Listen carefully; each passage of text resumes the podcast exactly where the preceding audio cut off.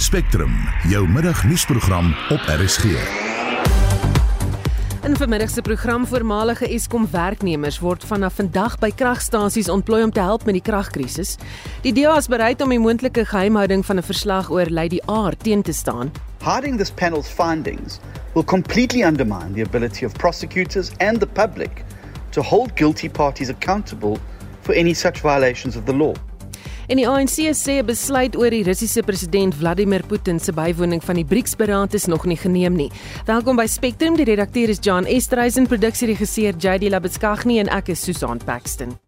So by kan 6 minute oor 12 jy luister na Spectrum, die ondersoek van die onafhanklike paneel na gebeure op die Russiese skip die Lady R en of daar wapens opgelaai is of nie sal nie openbaar gemaak word nie. En boonop het die paneel ook onder die kommissies wetgewing geen magte om enige getuies te roep nie. Die presidentsie sê die rede hiervoor is omdat die ondersoek te maak het met inligting wat nasionale veiligheid kan bedreig. Die DA sê dit is nonsens en gaan die besluit teenstaan. Ons praat nou met die leier van die DA, John Steenhuisen. Goeiemôre John. Goeiemiddag, dis 'n wonderlik om saam met julle vandag te wees. Baie dankie. Sê vir my julle reaksie as die DA oor die aankondiging dat die ondersoek na Lady R geheim gehou kan word? Ja, ek dink dit is skokkend uh en heeltemal onregverdig. Uh daar is baie baie uh groot openbare belang in hierdie saak en die president het self in die parlement gesê dat dis hoe kom dis hoe ons sal die feite hoe sal die, die feite sal uitkom in hierdie hele saak. Dit nou uh, dit dit lyk asof nou die regering weet nou daar is 'n moontlikheid dat daar was wapens of oorlogmateriale op daai um, skip en dis hoekom hulle wou nou alles in 'n geheim hou. Ons onthou dit die presies dieselfde gedoen oor die Waterkloof uh landings wat uh deur die Guptas op 'n uh, weermag ehm um, lughawe ingekom het.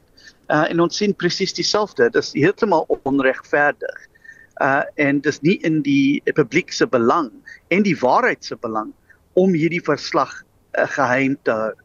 Hm. Sê vir my, hoe gaan julle as die DA die ondersoek na die inligting openbaar gemaak kry? Ja, ons het alreeds baie uh, gebruik uh, Promotion of Access to Information Act uh gebruik om die uh, terms of reference uh, uit te vind. Ehm um, en ons is besig daaroor maar uh, hierdie uh, hierdie besluiting nou um, ons dink is heeltemal onwettig en ons sal elke manier gebruik wat ons kan om seker te maak dat hierdie verslag in die openbaar uh, uh is want ons het 'n uh, werk as lede van die parlement om seker te maak dat die uh, regering verantwoordelik is na uh, na die na die parlement. Hoe kan ons ons werk doen en mense verantwoordelik hou as ons uh, weet nie eers wie was betrokke, wat was op uh, daai uh, skip afgelaai en aangelaai uh, en en dis hoe kom ons sê dit ons kan nie ons werk doen as lede van die van die parlement en ook julle as as die media kan nie julle werk doen om om mense verantwoordelik te Sê vir my as die inligting nie openbaar gemaak word nie, wat voorspel julle kan gebeur wat betref internasionale verhoudinge? Ja, ek dink dit sal uh, dinge erger maak as ons dit in geheim hou. As daar was wapens op daai skip uh, en daar was uh, met uh, oorlogmateriaal opgelaai, dan ons moet jammer sê en ons moet verduidelik hoe ons sal seker maak dat die mense wat betrokke met met daai skip uh, verantwoordelik is en wat sal met hulle gebeur, maar ook watter stappe ons kan vat as uh, as 'n regering om seker te maak dat dit gebeur nie alweer. Ehm um, maar en as daar was geen wapens op daar's geen uh, moontlikheid dat die regering moet hierdie ding 'n uh, geheim hou want dan moet hulle verduidelik vir die wêreld dat daar was niks soos die ek wou nie die woord uh, gebruik wat die uh, minister gebruik het in die parlement want dit is 'n vuil woord. Maar as sy uh, so uh, as sy is confident is dat dit is is die feite dan hoekom maak hulle nie die uh, die die die verslag openbaar Sjoe John, amper gedink jy gaan daai woord gebruik. Sê vir my, vrees jy dat as die inligting geheim bly dat as daar iemand skuldig is aan een of ander oortreding, hulle nie vervolg sal word nie? Ja, definitief. Ons het al alreeds gesien wat gebeur het met met Waterkloof. Uh die verkeerde persoon was verantwoordelikheid uh betrokke en die ou wat na dit uh, agter dit van meneer Zuma se kantoor was. Uh hy hy was 'n uh, ambassadeur in in Europa gemaak as 'n gevolg van van die Waterkloof uh, skandaal. En ons sal sien daar's definitief pogings nou om 'n uh, cover-up hier oor hierdie baie belangrike saak te hê. Hm. Baie dankie. Dit was die leier van die DA, John Steenhuisen. Ons praat nou verder met 'n uh, politieke ontleder van Unisa, professor Dirk Coetzee. Goeiemôre Dirk. Goeiemôre Susan. Het die regering 'n voet om op te staan wat betref die inligting wat hier betrokke is wat nasionale veiligheid kan bedreig en daarom kan dit nie bekend gemaak word nie? Ja, ek dink uh, mens moet die die twee oorwegings teenoor mekaar probeer balanseer. Die een is die van openbare belang en dit is waar uh, ek meen die leier van van die DA nou dit dit goed gestel het van die perspektief daaruit van hoe om daarna te kyk dat dit in die belang van die publiek in die algemeen is van polit politieke bewegings van die parlement ook. En dan omdat dit oor weermag en wapens gaan, ehm um, het daar is daar natuurlik 'n sekuriteits- en intelligensie of 'n 'n uh, 'n uh, um, nasionale veiligheidssituasie wat daar ook ter sprake is. En die moet teen mekaar opgeweeg word as 'n mens kyk na 'n 'n uh, ondersoek soos die een wat nou gaan plaasvind. Vat byvoorbeeld dat in die parlement is daar 'n uh, parlementêre uh, komitee oor intelligensie maar hulle hoor nie hulle vir die die aanhoor van getuienis vind nie in die openbaar plaas nie. Al is die lede daarvan lede parlement parlementslede openbare verteenwoordigers. So ek dink wat hier gaan ter sprake moet kom is is om in die eerste instansie te, te kan bepaal is dit wat wat hier moet uitkom uh, die die ondersoek wat moet plaasvind is dit iets wat nie sekuriteitsoorwegings na nadele gaan gaan raak nie En natuurlik is dit, weet ons, dit is in die openbare belang. En ek dink dit is hoekom dit so dit nie 'n voor voor die hand liggende situasie is oor om hoe om dit te hanteer nie. Dis iets wat uh, op verskillende maniere na gekyk sal moet word. Hmm. Skep hierdie aankondiging vertroue of wantroue in die ondersoek uh, of eerder ondersoek op sigself? Ek dink in die algemeen sal dit wantroue skep, um, want enigiets wat wat weggehou word van die publiek outomaties skep wantroue. Um, en ek dink dit is dit gaan die groot uitdaging wees vir vir iets soos so so 'n ondersoek as hulle besluit op dat sekere aspekte daarvan nie in die openbaar moet plaasvind nie want dis 'n ander opsie. Dis nie dat dis alles of niks nie. Um dit kan wees dat sekere dimensies daarvan wat meer te maak het met byvoorbeeld wat by uh, wat die die standaard prosedures is wat byvoorbeeld by Simonstad gevolg word om die basis te beveilig en dat dit nie in openbaar uh, op op die tafel gesit kan word nie. Maar ander aspekte soos byvoorbeeld wat het die die parlementêre komitee wat te maak het met die uh, goedkeuring van transaksies van konvensionele wapens wat het in daardie komitee gebeur wat is die besluite wat daar geneem is dat dit is natuurlik in die in die openbare belang en sal moet uitkom. So dis hoekom ek dink dit is dis iets wat genuanceerd hanteer moet word uiteindelik. Mm. Wat moes hier gebeur het van die begin af uh, van die regering se kant af om hierdie situasie te vermy? Wel ek dink hulle moes in die eerste instansie nie ontken dit nie. Ehm um, hulle moes gesê het wel hier is hierdie dit het plaasgevind die die skip was in Simonstad daar is ehm um, goed het plaasgevind daar ons volgens hulle sê hulle, hulle weet nie presies wat dit is nie um, en dat dit dit ondersoek moet word en dat die ondersoek reg van die begin af in Desember verlede jaar al dat dit aangekondig moes word dat daar 'n ondersoek sou plaasvind. Daar's baie dikwels is daar ondersoeke in die weermag, interne ondersoeke wat plaasvind. Die weermag self het deeltemal stil gewees tot dusver. Um, en is hoofsaaklik die minister van verdediging en ander politici wat hieroor praat en uh, so tipe van aspek omdat dit gaan oor die gebruik van weermagsfasiliteite sou mens verwag het dat die weermag in die eerste instansie duidelik moes maak dat hulle betrokke is en 'n ondersoek gaan in, gaan instel daar daaroor. Baie dankie dit was 'n politieke ontleder van die NISA professor Dirk Coetzee. Die Sunday Times het die afgelope naweek berig dat die ANC se sekretaris-generaal Fikile Mbalula in 'n onderhoud met die koerant gesê het dat daar 'n moontlikheid is dat een leier van BRICS dalk nie die beraad in Suid-Afrika sal bywoon nie. Hy het verder gesê dat Rusland nie verkleineer moet voel as die uitnodiging na president Vladimir Putin dalk teruggetrek word nie. Dit is in aanloop tot die regering se besluit oor wat om te maak sou Putin wel die BRICS-beraad in Augustus bywoon. Die adjunkvoorsitter van die ANC se subkomitee vir internasionale aangeleenthede en adjunkminister minister van openbare werke, Obed Papela sê daar's nog geen besluit hieroor geneem nie.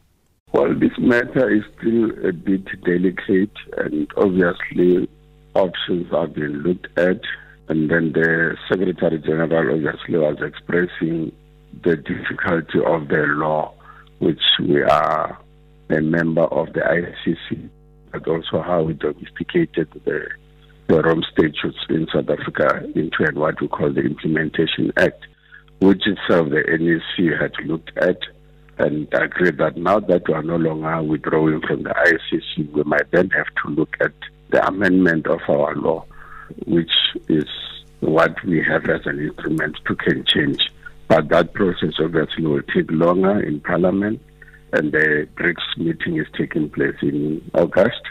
And then with that, we, we are just weighing whether if he comes, we will be able to arrest. And that is a very difficult issue because, you know, when he travels, he's got 3,000 bodyguards and, and everything sure. that is around him.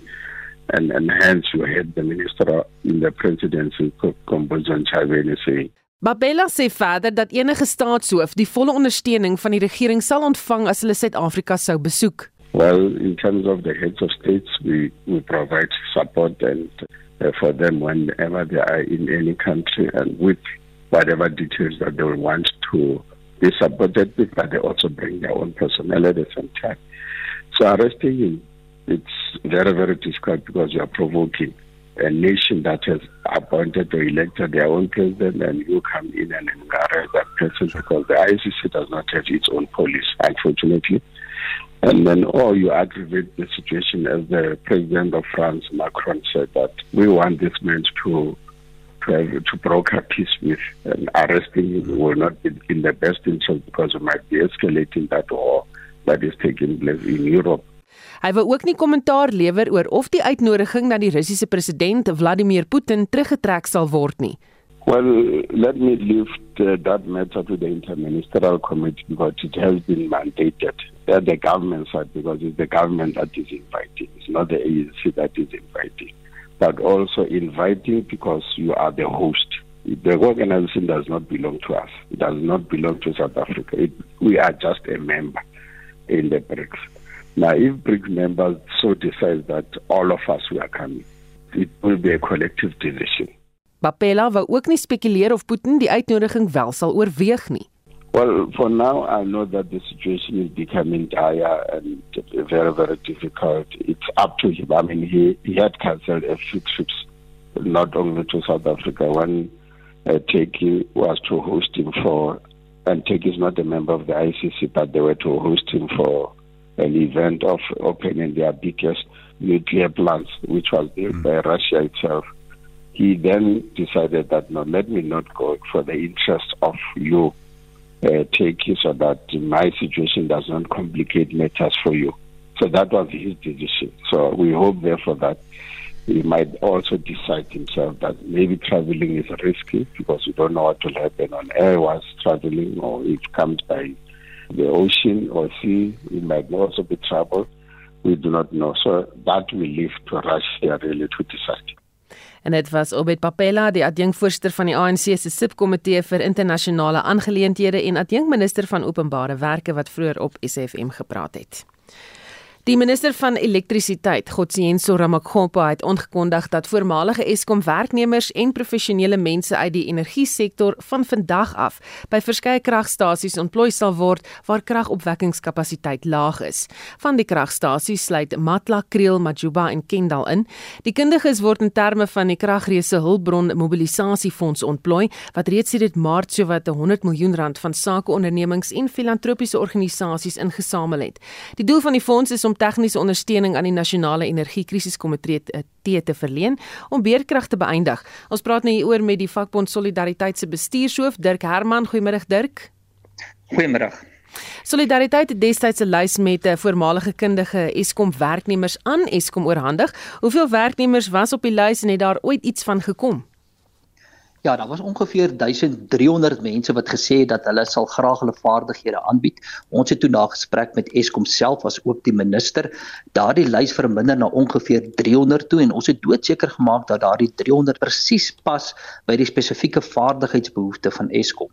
Eskom het ook dan 'n tender dokument gepubliseer waarin hulle gesê wat is die tipe kritiese vaardighede wat hulle soek en ons het daardie lys spesifiek dan aan Eskom oorhandig en as ook die minister het gesê hier is die regte vaardighede. Nou daar het verlang net eenvoudig niks daarmee gebeur nie. Wat ons agtergekom het is in gesprekke met Andre de Ruyter self dat daar was die bedryfswil, maar die politieke wil was weg.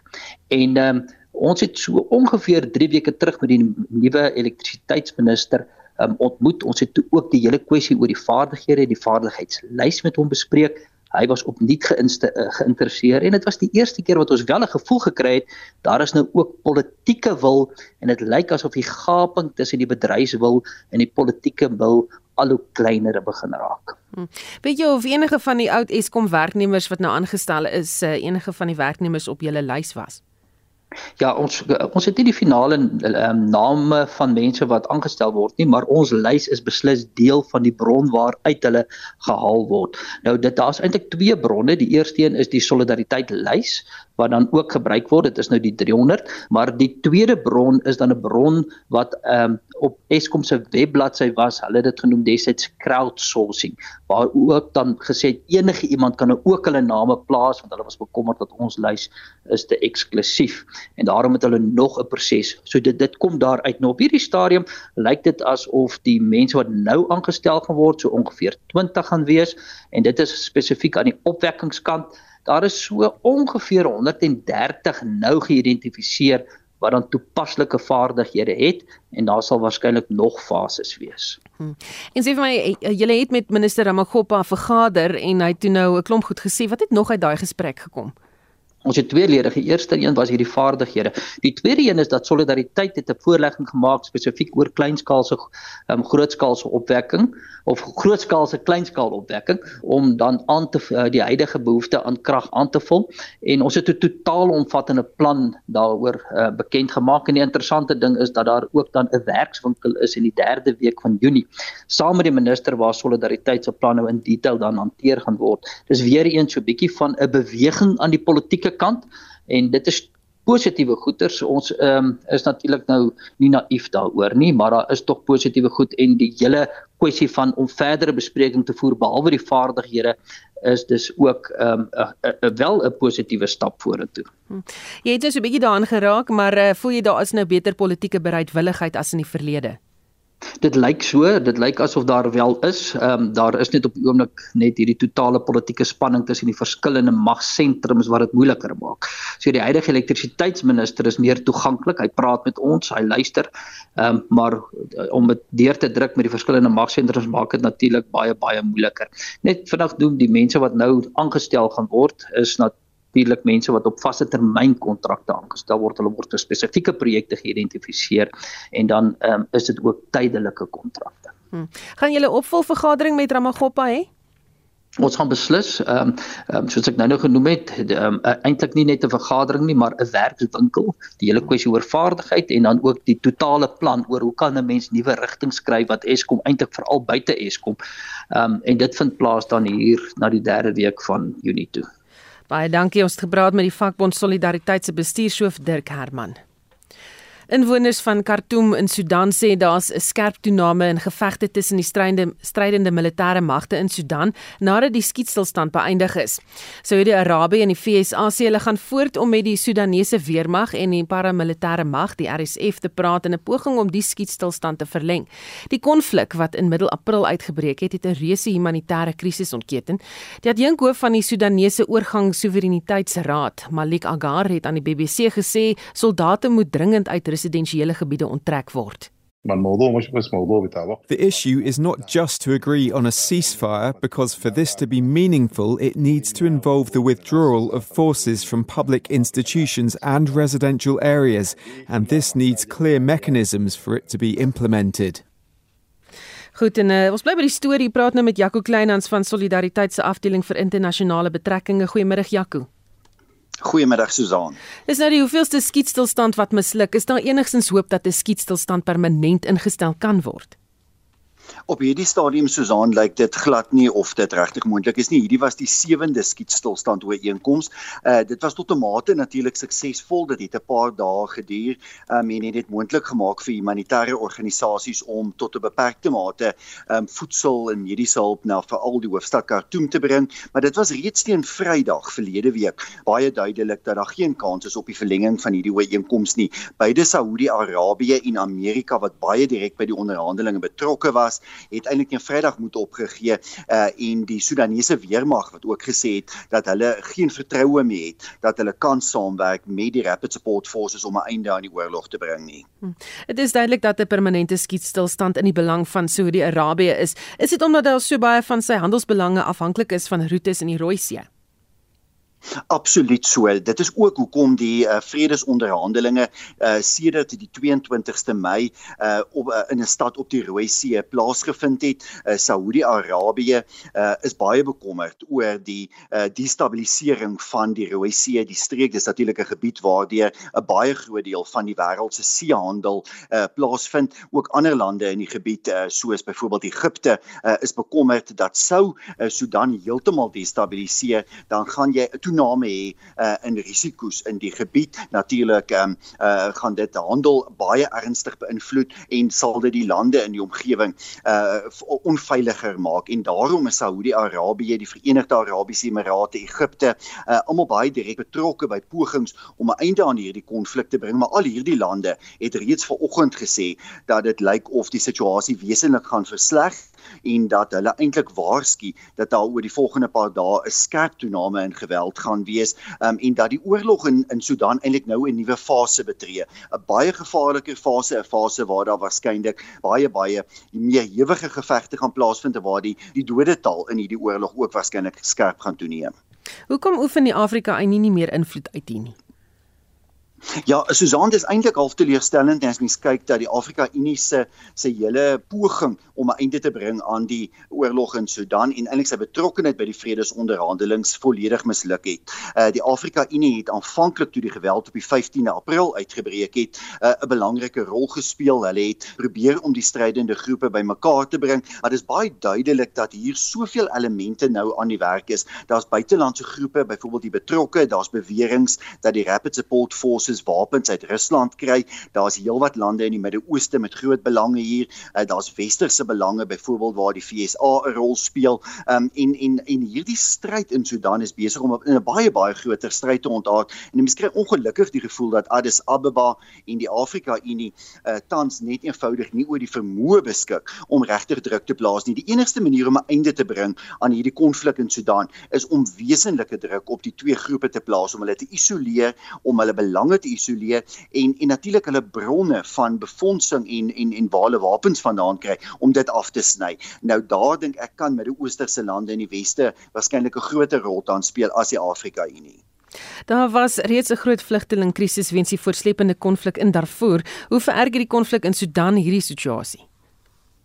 Dit gaan dit wesentlik vererger uh, Susan uh, jy's heeltemal reg onthou daar was voor hierdie konflik in April uitgebreek het reeds miljoene Sudanese wat in buurlande gewoon het. Net in Egipte alleen woon daar al 4 miljoen Sudanese uh, wat oor uh, verskeie redes die afgelope 20 25 jaar gevlug het. Die oorlog en daarvoor een van die groot redes gewees. Jy het vlugtelinge in Suud-Sudan vlugtelinge in Ethiopië vlugtelinge in Chad um, en en natuurlik neem dit nou toe daar sedert uh, die uitbreek van die oorlog die 15de April uh omtrent nog so 400 000 mense uit Sudan gevlug. Daar's ook 1,2 miljoen mense wat uh net uit hulle huise gevlug het na ander dele van Sudan. Uh dit verhoog die humanitêre krisis uh wesenlik en dit gaan waarskynlik oor die volgende dae net verder versleg met uh mense wat uh 'n uh, berigte vanoggend uit die hoofstad Khartoum dat daar 'n wesenlike militêre opbou uh sedert uh, laasnag besig is om plaas te vind in en om Khartoum. Uh, daar was vanoggend reeds 'n uh, ernstige gevegte gewees. So ons kan verwag dat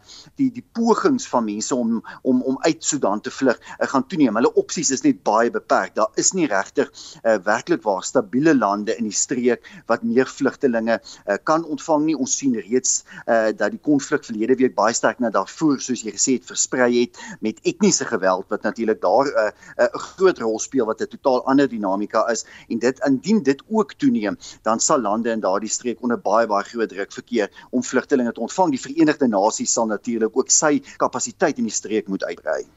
Baie dankie het gepraat met Jaco Kleinhans van Solidariteit se afdeling vir internasionale betrekkinge. Jy luister na Spectrum elke weekmiddag tussen 12 en 1. In die tweede helfte van die program, die nasionale tesourie sê dit gaan 5 jaar neem om die geldsaake van die Dietse Botlam munisipaliteit in Noordwes reg te ruk. When you look into what they owe their creditors, it's in excess of 7 billion. And what revenue is the municipality currently having? It's basically relying on equitable share to fund its operations.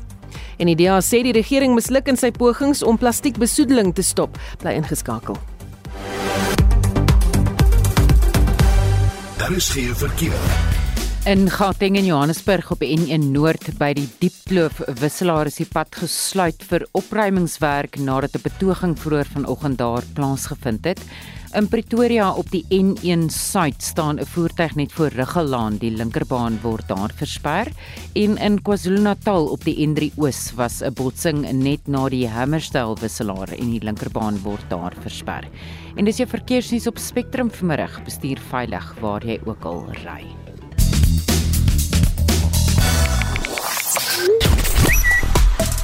Ja, ons praat oor plastiekbesoedeling vandag. Dis wêreldomgewingsdag en die tema is uh, stop plastiekbesoedeling en ek sien net hier te beer sê ek wonder altyd waarom die brand van bande op ons paai nie swaarder gestraf kan word nie. Gebruik dit eerder om plante in te plant. En dan sê Letty Wolfhard ek spaar via beerdkrag en dis nie my skuld dat hulle diesel in plaas van steenkool moet gebruik nie.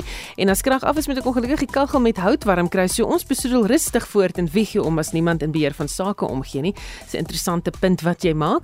Ehm um, en nog 'n luisteraar wat wat sê dat uh, hy koop bier in 750 ml bottels in kratte. Maar luister nou hier, die bottels word nie net herwin nie, maar hergebruik. En die plastiekkrat word gewas en hergebruik. Ek glo dit verminder my voetspoor. Ek seker dit doen.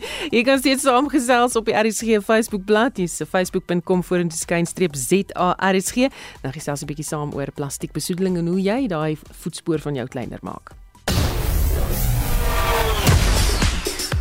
Shaun Schuster, die jongste sportnuus. Ons begin met golfnuus. Die wêreldnommer 5 Victor Hovland van Noorwe die PGA Tour se Memorial Toernooi vroeg vanoggend Suid-Afrikaanse tyd gewen toe die Amerikaner Denny McCarthy op die eerste puitjie van hul valbel stryd geklop het.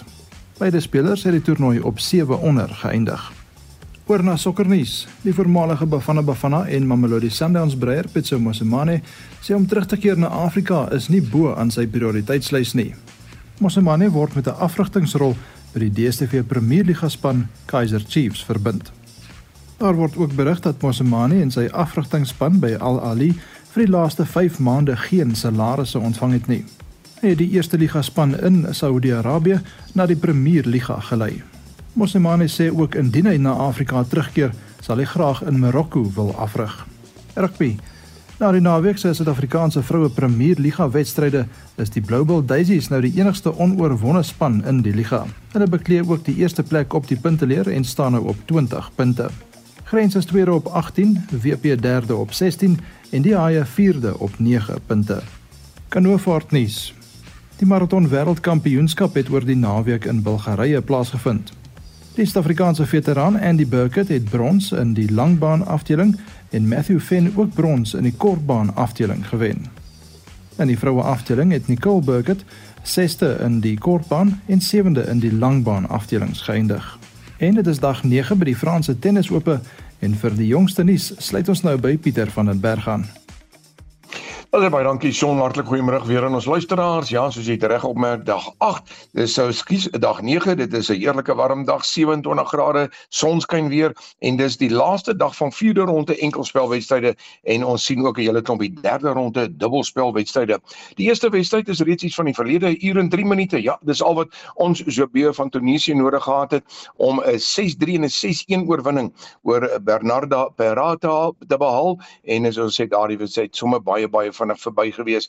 Uh die beste statistiek is die 64% van eerste afslaanpunte wat uh Jobio gewen het teenoor net die 38 van Vera en dan sien ons dat op die tweede afslaan het uh Jobio 39% gewen teenoor net die 6% van Vera. Nou ja, dit is 'n uh, duidelike prentjie dat dit 'n eenrigting verkeer wedstryd was. Op die oomblik is daar 'n uh, wedstryd aan die gang. Dit is Sorribes Stormo en uh, ek moet sê dat uh, dit is uh, die uh, ge gekeerde 14de gekeerde Haddad Maya wat iets wat swaar gekry het in die eerste stel. Dit is daar die eerste stel wat deur Sorribes Stormo van Spanje gewen word. Dis in die vroue enkelspel 7-6. Sy daar die valbuil met 7-3 ingepalm. Die wedstryd reeds 'n uur en 25 minute aan die gang. Daar's nog net een pot in die tweede stel gespeel. Sorribes Stormo loop daar met een stroop voor.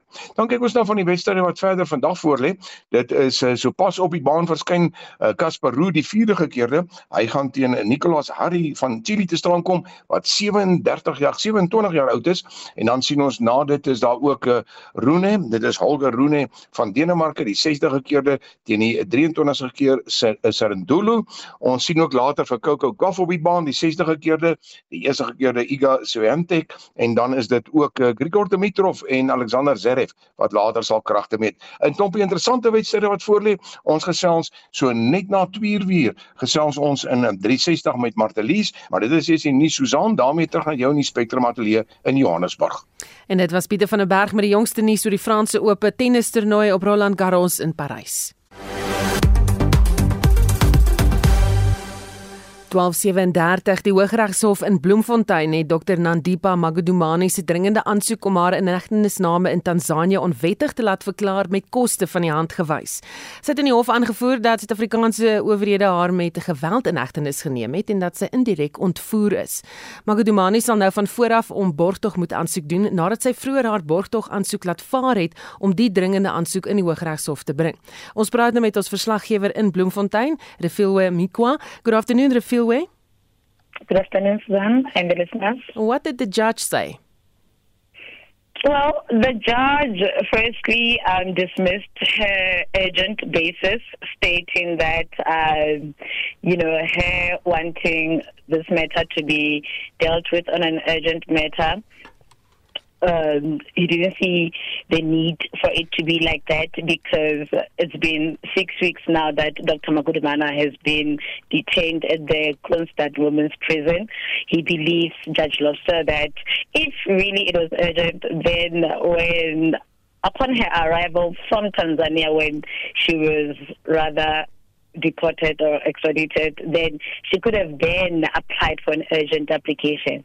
Um, other than that, um, he also stated, or rather highlighting on the handing over process between the Tanzanian government and the South African government, stating that during that process, Dr. Magudumana complied with everything. She never resisted you know, any of the processes that took place at that time. Also stating that when she was asked where she needed to be placed, she did request to be taken back to South Africa so that she can be with her children. In fact, saying that Dr. Magudumana, in her affidavit, where she alleges that she was arrested by the South African police at in Tanzania, of which um, Affairs disputed that during the argument um, Judge Philip Loster highlighted that, in fact, it was the Tanzanian police who arrested her.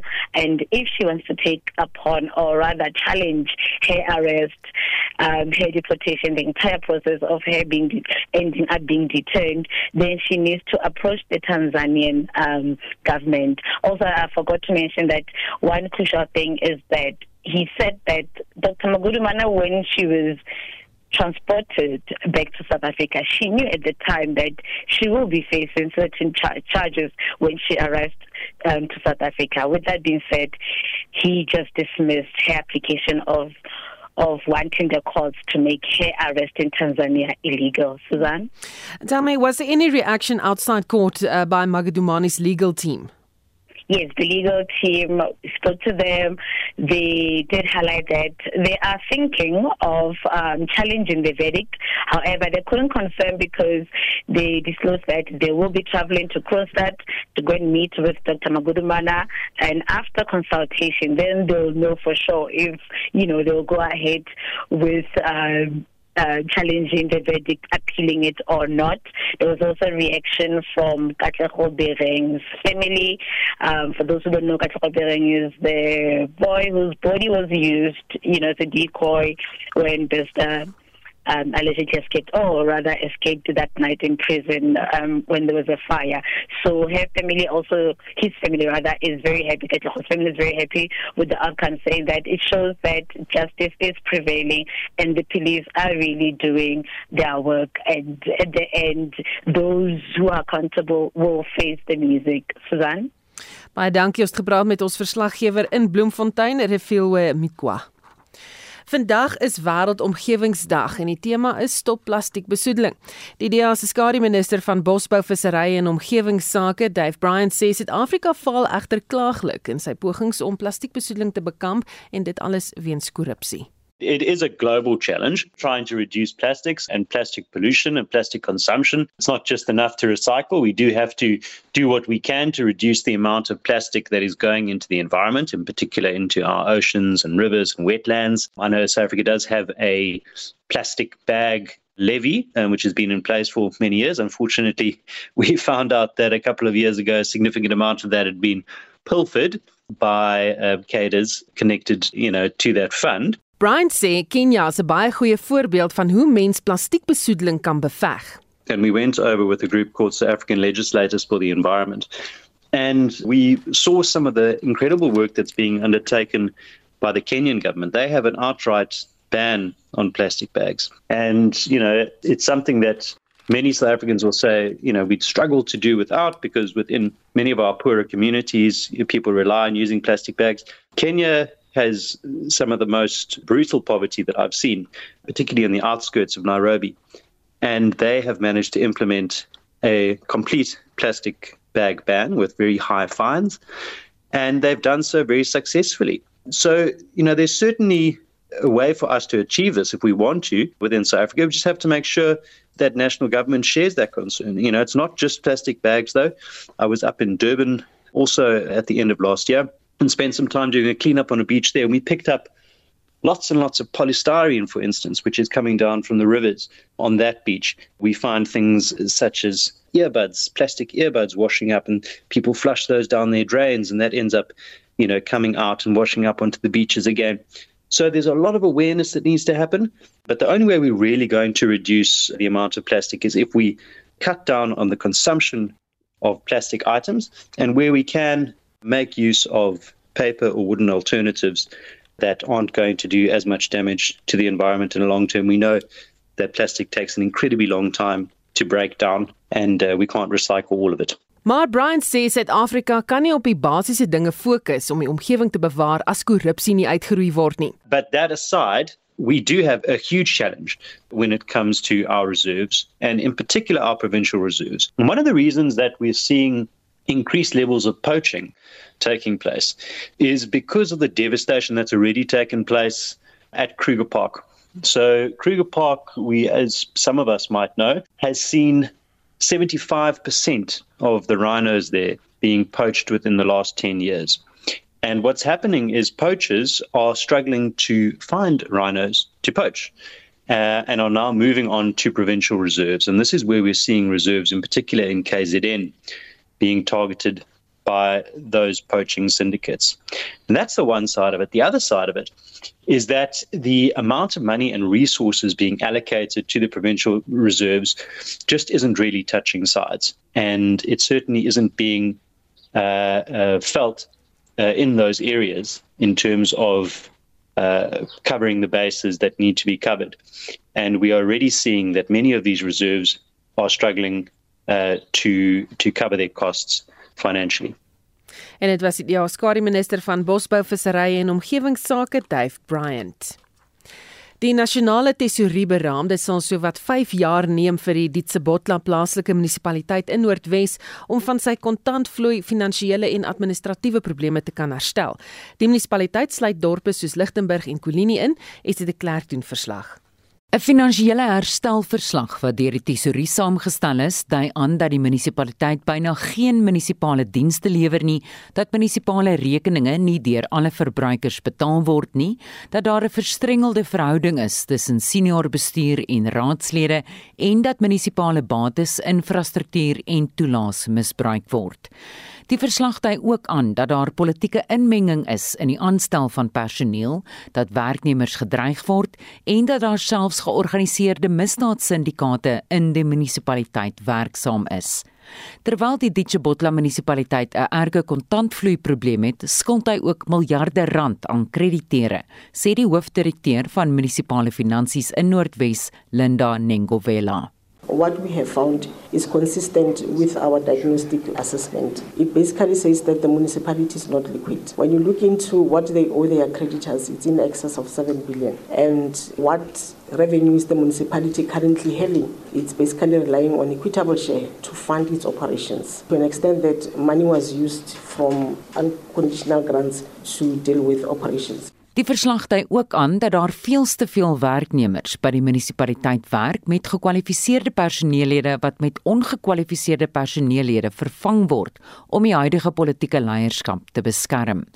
Die provinsiale sekretaris van die Suid-Afrikaanse Munisipale Werksunie, Vincent Dipoko, ontken egter dat die vakbond hier agter sit. This allegation that says some who have played a role to the bloated structure of the Tsobota due to the membership affiliation. It's a total liar. And we want to believe that those people who are raising this matter, they must come with evidence, very clear evidence that can put whether SAMU or shop steward of SAMU or members of SAMU have appointed these people to this position. Die voorsitter van die Suid-Afrikaanse Vereniging vir Plaaslike Regering, SALGA in Noordwes, Kumalo Molefe, het die tesouriese verslag verwelkom. Many of the municipalities have a challenge in this area, particularly on the area of financial governance, whether there's a political leadership to oversee this area. Uh, number two is on cash flow management and generally budget management and financial prudence. So, our view is that government of South Africa is unitary, powers and functions may be different, but we continue to cooperate as different spheres and entities of government. And the new posture is really encouraging for us. We think this is a step in the right direction towards the acceleration of service delivery. Dit was Kumalo Molefe, die voorsitter van die Suid-Afrikaanse Vereniging vir Plaaslike Regering in Noordwes. Die verslag is saamgestel deur Zebulon Maine. Ek is Estie de Klerk vir SAK nuus. Ons bly by die storie en praat nou met Sake Liga se regsbeampte Tian Alberts wat nou betrokke is by hierdie saak. Goeiemôre Tian. Goeiemôre Susan. Die tesouriese verslag is verdoemend, maar die situasie is egter veel erger, nie waar nie? Heeltemal korrek. Ek het nou na almal geluister wat voor my gepraat het, meer Kumalo wat praat van kontantvloei bestuur en en 'n vordering en interregering samewerking. Dis 'n totale uitvoering stellings met die werklikheid. Uh dis eufemisties gestel. Uh daar's geen sprake van kontantvloei bestuur of geen moontlikheid daarvan as daar nie meer 'n munisipaliteit is nie. In werklikheid is daar nie meer 'n munisipaliteit nie. Die lid van die provinsiale wetgewer van Noordwes het in 'n verklaring verlede maand gesê uh, dat die munisipaliteit nou dormant is. Met ander woorde, daar's nie munisipale werkers nie, daar's geen sprake van dienslewering nie. Uh en daar's ook nie vooruitsig dat dit enigstens uh, gaan verander nie. Uh hierdie is 'n munisipaliteit wat onredbaar is vir alle praktiese doeleindes en daar sal noodwendig nou alternatiewe orders tot stand kom. Hmm. Um, en as ons praat van daar's geen munisipaliteit nie, um, ek verneem skuldeisers het beslag gelê op die rekenaar, so geen administratiewe werk kan gedoen word nie. Werknemers, um, byvoorbeeld, is ook nie betaal nie heeltemal korrek. Uh die munisipaliteit het nie meer re rekenaarstelsels nie. Daar's geen vermoë om rekeninge uit te reik nie of om skuld in te vorder of om geld in te vorder vir dienste gelewer nie. Daar word in elk geval ook nie dienste gelewer nie. Um van ons lede rapporteer dat die laaste munisipale rekening wat hulle ontvang het in Mei maand verlede jaar was, met ander woorde 'n jaar terug. Uh so hierdie munisipaliteit se deure is toe. Ehm um, enigiemand wat nou daar opdaag sal vir hulle self kan sien dat daar uh nie munisipaliteit is nie. Dis 'n gebou waar daar staan wat voorheen uh homself 'n munisipaliteit genoem het. Uh Saaklie gaan ontmoet vanmiddag met verteenwoordigers van besig besighede in daardie dorpe uh, om alternatiewe in plek te stel en om te kyk veral na die beveiliging van gemeenskappe en besighede um om voor te berei vir die opstande wat gaan volg uit die totale gebrek aan dienslewering. Dian so in beginsel beteken dit geen vullis word verwyder nie. In Lichtenburg word watervoorsiening bedags fisies beperk. Mannekrag word daarvoor benodig. Beteken dit daar's byvoorbeeld geen watervoorsiening nie? Korrek in groot dele van die dorp is daar geen watervoorsiening nie. Dis wel al 'n probleem wat al vir jare aankom. Ehm um, die vullisverwydering wat plaasvind is op inisiatief van lede van die gemeenskap. Ehm um, en daar sal waarskynlik hier en daar 'n voormalige munisipale werker is wat ingryp uh met die hoop om 'n uh, 'n fooi te verdien by ehm um, lede van die gemeenskap. Ehm um, wat ook gebeur en wat ons ook sien is dat daar ehm um, dat daar munisipale amptenare is wat nie meer amptenare is nie. Munisipale werkers wat uh, na huise toe gaan en na besighede toe gaan met vervalste rekeninge en hierdie persone afpers om vir hulle te betaal. Ehm um, en dit is ook 'n probleem wat wat aangespreek moet word en wat Saakliga vanmiddag gaan takel saam met die besighede in die dorp ehm um, so 'n situasie waar daar geen dienslewering is nie, maar individue wat rondloop uh en uh inwoners afpers. Dian, hoe gevaarlik is hierdie situasie? Wanneer gaan die inwoners reg in eie hande begin neem? Uh, dit is 'n hoogs plofbare situasie. Ehm um, daar is 'n uh, 'n groot uh vir vername uh en realistiese vooruitsig van opstande in die volgende paar weke. Ehm um, mense het reeds reg in eie hande begin neem. Ehm um, en die die die opsomming van die situasie is eintlik dat daar 'n totale vakuum van orde is wat of gevul gaan word enerzijds uh deur bendes uh waarna ek nou verwys het of deur georganiseerde besigheid anderzijds en uh Saakliga gaan baie hard werk uh, in die komende week om seker te maak dat daardie vakuum van orde wel deur besighede gevul gaan word en nie deur bendes nie. Baie dankie, dit was Saakliga se regsbeampte Tian Alberts. Vanmiddag word die sake nuus aangebied deur Dion Goosen, hy's 'n portefeuljebestuurder by Netbank Korporatiewe Beleggings. Goeiemiddag Dion. Middag Susan en luisteraars. Mark het sterk gestyg verlede week nadat Amerika hulle skuldvlakke kon uitsorteer. Die Dow het Vrydag 2.1% hoër gesluit, die S&P 500 1.5% en die Nasdaq was 1.1% hoër. Vanoggend in Asië sluit die Hong Kong Hang Seng sterker met 0.8%. Die Japaneese Nikkei was op met 2.2% en die Australiese ASX 200 was hoër met 1%. In Europa op die oomblik, die Britse FTSE 100 is sterker met 0.5%, die Franse CAC 40 is laer met 0.1% en die Duitse DAX is tans onveranderd. In Suid-Afrika, die algehele indeks is laer tans met 0.7% en verhandel teen 76586 punte. Die finansiële indeks is 0.7% hoër met Sanlam wat tans 1.2% hoër is en Quilter wat 0.7% laer is. Die nywerheidsindeks staan swakker met 0.9%. Elf uh, Life Healthcare is 1.9% hoër met Mondi wat bietjie swaar trek 3.4% laer op die oomblik.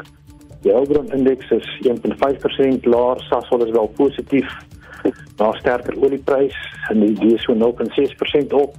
Uh die platinum myne met Northern wat tans 3.3% afgestrek swaar.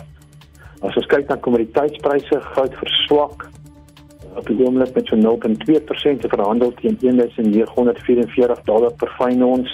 Platinum is sterker met 0.7% te verhandel, verhandel by 1010 dollar per fyn ons. En dan brengt die olie op met 1.7% te verhandel by 77 dollar 45 sent per vat. Dan aan die wisselkoerskant, 'n dollar gaan jy so 19.39 kos, 'n pond R24.2 sent en 'n euro R20.74. Rentekoerse, die R20 die R2030 staatsefek verhandel tans by 11.23%. Dit is 'n taamlike besige week wat kom met ekonomiese data van die belangrike data wat bekend gemaak word is Suid-Afrika se bruto binnelandse produk wat môre bekend gemaak word. Groei van 0,9% oor 12 maande word verwag en minus 1.3 oor 'n maandbasis. Dit natuurlik grootliks weens die beerdkrag. Dankie, dis dan die einde van die sake nuus. En dit was Dion Goosen, portefeuljebestuurder by Netbank Korporatiewe Beleggings. Estie sluit nou by ons aan met nuus en ontwikkelende stories. Ons begin met die Hooggeregshof in Bloemfontein wat Dr Nandipa Magodumana se dringende aansoek met koste van die hand gewys het. Is reg Susan Magodumana het 'n aansoek gebring dat die hof haar in hegtenisname in April in Tansanië onwettig moet verklaar en sy vrygelaat moet word. Sy het aangevoer dat sy deur die Suid-Afrikaanse owerheid in Tansanië geblinddoek ontvoer en onder dwang aan Suid-Afrika uitgelewer is. Hier is wat regter Philip Loupser in sy uitspraak gesê het. In the present case, I have no hesitation in finding that the applicant was well aware at the time of her handing over of the charges that could be leveled against her upon her arrival in South Africa. She nevertheless consented to her removal from Tanzania to South Africa. At the very least, she had willingly acquiesced to her transportation back to South Africa. I therefore find that the application cannot succeed. Intussen sê Magdumana se regsverteenwoordiger Mashini Motlahung, hy sal met Magdumana en die res van die regspan konsulteer nadat hulle die uitspraak bestudeer het om te besluit of hulle teen die uitspraak gaan appeleer. Dan 'n groep studente is in hegtenis geneem in verband met 'n brand gisteraand op die Alice kampus van die Fort Hare Universiteit in die Oos-Kaap. Is reg, die brand het in die voorportaal van die binneshuise sportkompleks uitgebreek en 'n rekenaar laboratorium en die studente kafeteria se vensters is ook stukkend geslaan. 'n 12 studente is in hegtenis geneem in verband met brandstigting en saakbeskadiging. Die woordvoerder van die universiteit, JP Rood, sê eksamens sal voortgaan ondanks die ontwrigting by die universiteit. The exams are going ahead. Uh, no disruptions to our exam schedule. We are postponing the morning section, but this afternoon the students are beginning with their exam. Die Suid-Afrikaanse Polisie Unie SAPO eis dat die nasionale polisiekommissaris van die Masumela afgedank word. SAPO se woordvoerder, Lesiba Tobakhali, sê Masumela kan nie die land se hoë misdaadvlakke beveg nie. You need to really specialize when you are dealing with this type of violent crime. Having over 6,000 people killed within a period of three months, it is out of order. It cannot be normalized at all. But we do not see him applying anything or coming with any strategy that could work in order to curb the high levels of crime that we are seeing in South Africa. The support that we have given him, we see that it looks like he does not have any interest in fighting crime. Nou ja, dit was natuurlik Lesiba Atabukhale en uh, ST het vir ons oorsig gehad van die nuus en ontwikkelende stories. Onthou om in te skakel vir brandpunt om kwart voor 6 vanmiddag.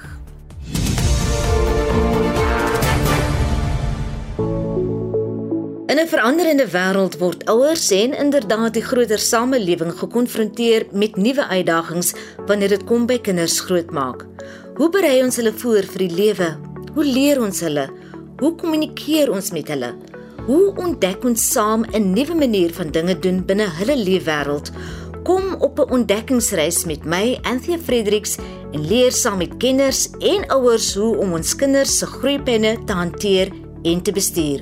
Groeipyne elke donderdag tussen 11:30 en 12:00 net hier op RSG. Ja, onthou vorige uitsendings van al ons nuus aktualiteitsprogramme is as 'n potgooi op rsg.co.za beskikbaar. Gaan kyk net op die webblad. Onthou in, in te skakel vir brandpunt omstreeks kwart voor 6 vanaand vir 'n samevatting van die dag se nuusgebeure, asook monitor tussen 6 en 7 môreoggend. Ons groet namens ons uitvoerende regisseur Nicoline de Wet, die redakteur John Estreys en die produksieregisseur JD Labuskaghni. My naam is Susan Paxton, bly ingeskakel vir 360.